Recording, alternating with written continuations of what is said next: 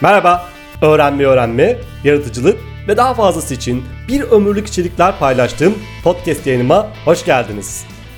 Yeni bölüm başlıyor. Hepimiz kendimizin öğretmeniyiz. Sen kendinin, kendi kendinin öğretmenisin.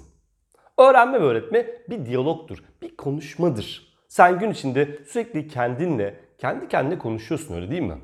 Ben yapıyorum en azından.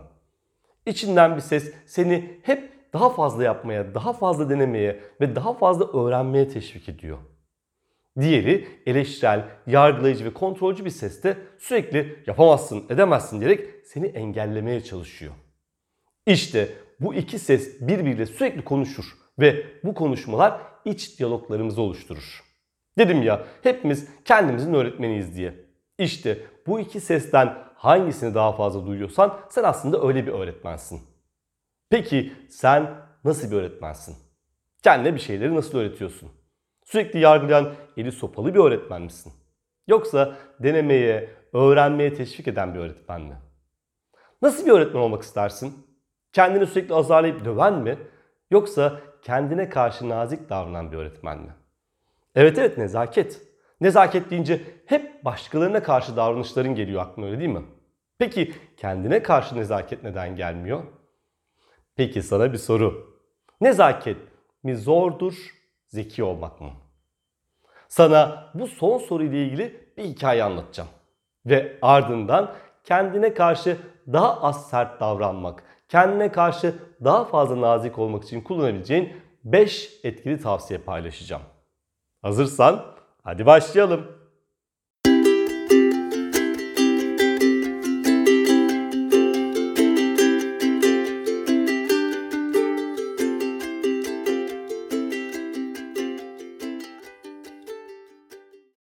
Jeff Bezos'u bilirsin. Amazon'un patronu.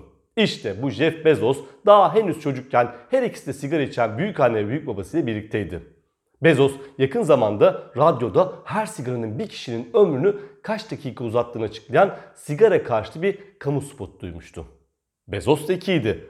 Bir gün arabanın arka koltuğunda otururken matematik becerilerini ve radyoda duyduğu bu yeni bilgiyi birleştirerek bir hesap yaptı. Ardından büyük annesine hayatının 9 yılını kaybettiğim büyük anne dedi. Bir çocuğun zekice, masum ve haylazca söylemiş olduğu bir söz öyle değil mi? Peki böyle bir söze verilen tipik tepki nasıldır? Çocuğun kafasını okşayarak aferin evladım demek ve ne kadar zeki olduğunu ifade etmektir öyle değil mi? Oysa Bezos'un büyük annesi bunu yapmak yerine oldukça anlaşılır bir şekilde gözyaşlarına boğuldu. Çünkü küçük Jeff'in bu sözü onu üzüntülendirmiş ve üzmüştü. Bu olay üzerine Bezos'un büyük babası torununu bir kenara çekti ve ona hayatının geri kalanında hiç unutmadığı, hep kulağına küpe yaptığını söylediği bir ders verdi. Jeff dedi büyük babası, bir gün nazik olmanın zeki olmaktan daha zor olduğunu anlayacaksın. Çoğu zaman kendine karşı sert davranınca, açık sözlü olunca, aklına geleni dan dan dan söyleyince daha iyi performans göstereceğini düşünüyor bazı insanlar. Ancak bu tür bir eleştiri kendi kendine bile söylüyor olsan ruh halini, odaklanmanı ve üretkenliğini mahvedebilir. Hani rakip takımın sahasında oynamak rakibin taraftarlarının tezahüratlarının olumsuz etkisi nedeniyle zordur ya. İşte içindeki eleştirel, yargılayan ses de sana aynen bunu yapar. Yani aslında kendinin rakibi genellikle yine kendinsindir. Bu yüzden kendi performansını, yaptığın şeylerin, söylediğin sözlerin sonuçlarını değerlendirirken kendini dövmekten vazgeçerek daha dengeli, daha sağlıklı bir yaklaşım benimsemeye çalışmalısın. Peki ama nasıl? İşte sana 5 etkili strateji. 1. Öğrenmeye ve denemeye istekli iç sesine daha fazla kulak ver.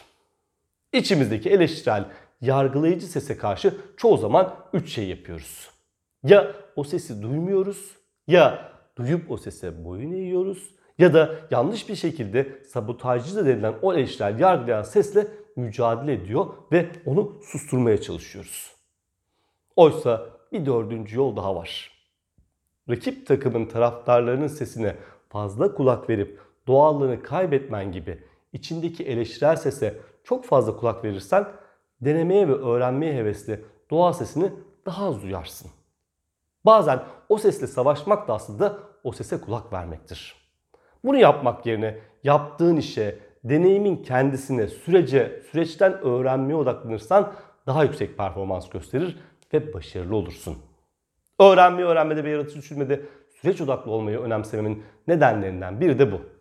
Üstelik süreç odaklı olduğunda öğrenme motivasyonunu da daha fazla kurabilirsin. 2. Sonuçları genellemekten kaçın. Bir şey yaptın ve bir sonuç elde ettin. Olay sadece bundan ibaret. Elbette bazı yaptıklarımızın sonuçları daha büyük olabilir. Ancak yine de özellikle olumsuz sonuçlarda o olumsuz olaya odaklanma dürtüsüne direnmeli ve bunun yerine performansını bir bütün olarak düşünmelisin. Hayat böyledir. Sürekli yüksek performans diye bir şey yok. Grafiğin eğrisi aşağı yukarı hareket edebilir ama çizgi her durumda yatayda ilerler. 3. Doğru ifadeleri seç. Ya tutarsa? Burada kastettiğim basit bir iyimserlik değil. Aslında işin doğasından bahsediyorum. Hiçbirimiz bir şeyi kötü olsun diye yapmayız değil mi? Yani tabii öz, eğer öz olarak kötü biriysen, amacın birilerine kötülük yapmaksa, başarısız olmaktan mazoşistçe bir mutluluk duymuyorsan elbette. İşin doğasında bir şey yaptığında o şeyi başarmak bir şekilde tamamlamak için yapmak vardır. Önerdiğim şey sadece bu. Amacına sadık kalmak. Bir müşteriyle görüşmenin amacı ürün ya da hizmeti satmaktır. Diyelim ki bu satışı yapınca kazanacağın parayla tatile gideceksin ve arkadaşına bu konuda sohbet ediyorsun. Arkadaşına bu satış gerçekleşirse, para elime geçerse tatile gideceğim demen ile bu satış gerçekleşip parası eline geçince tatile gideceğim demen arasında önemli bir fark var. İlki şartlı ve olumsuz, ikincisi olumlu bir zihinsel tutumda kalmanı sağlıyor. 4. Kötü duyguları zamana bırak. Duyguları yaşadığımız durumlara bağlı ve bir olay olduktan sonra her duygunun üzerindeki etkisi belli bir süresi var. Belli bir etki süresi var. Örneğin utanç ya da aşağılanma hissettiğinde ki bu hissi yaşamanın nedeni başkaları değil çoğu zaman kendi eleştirel iç sesindir. Bu duygunun yaklaşık 30 dakika ile 50 dakika arasında sürdüğü söyleniyor.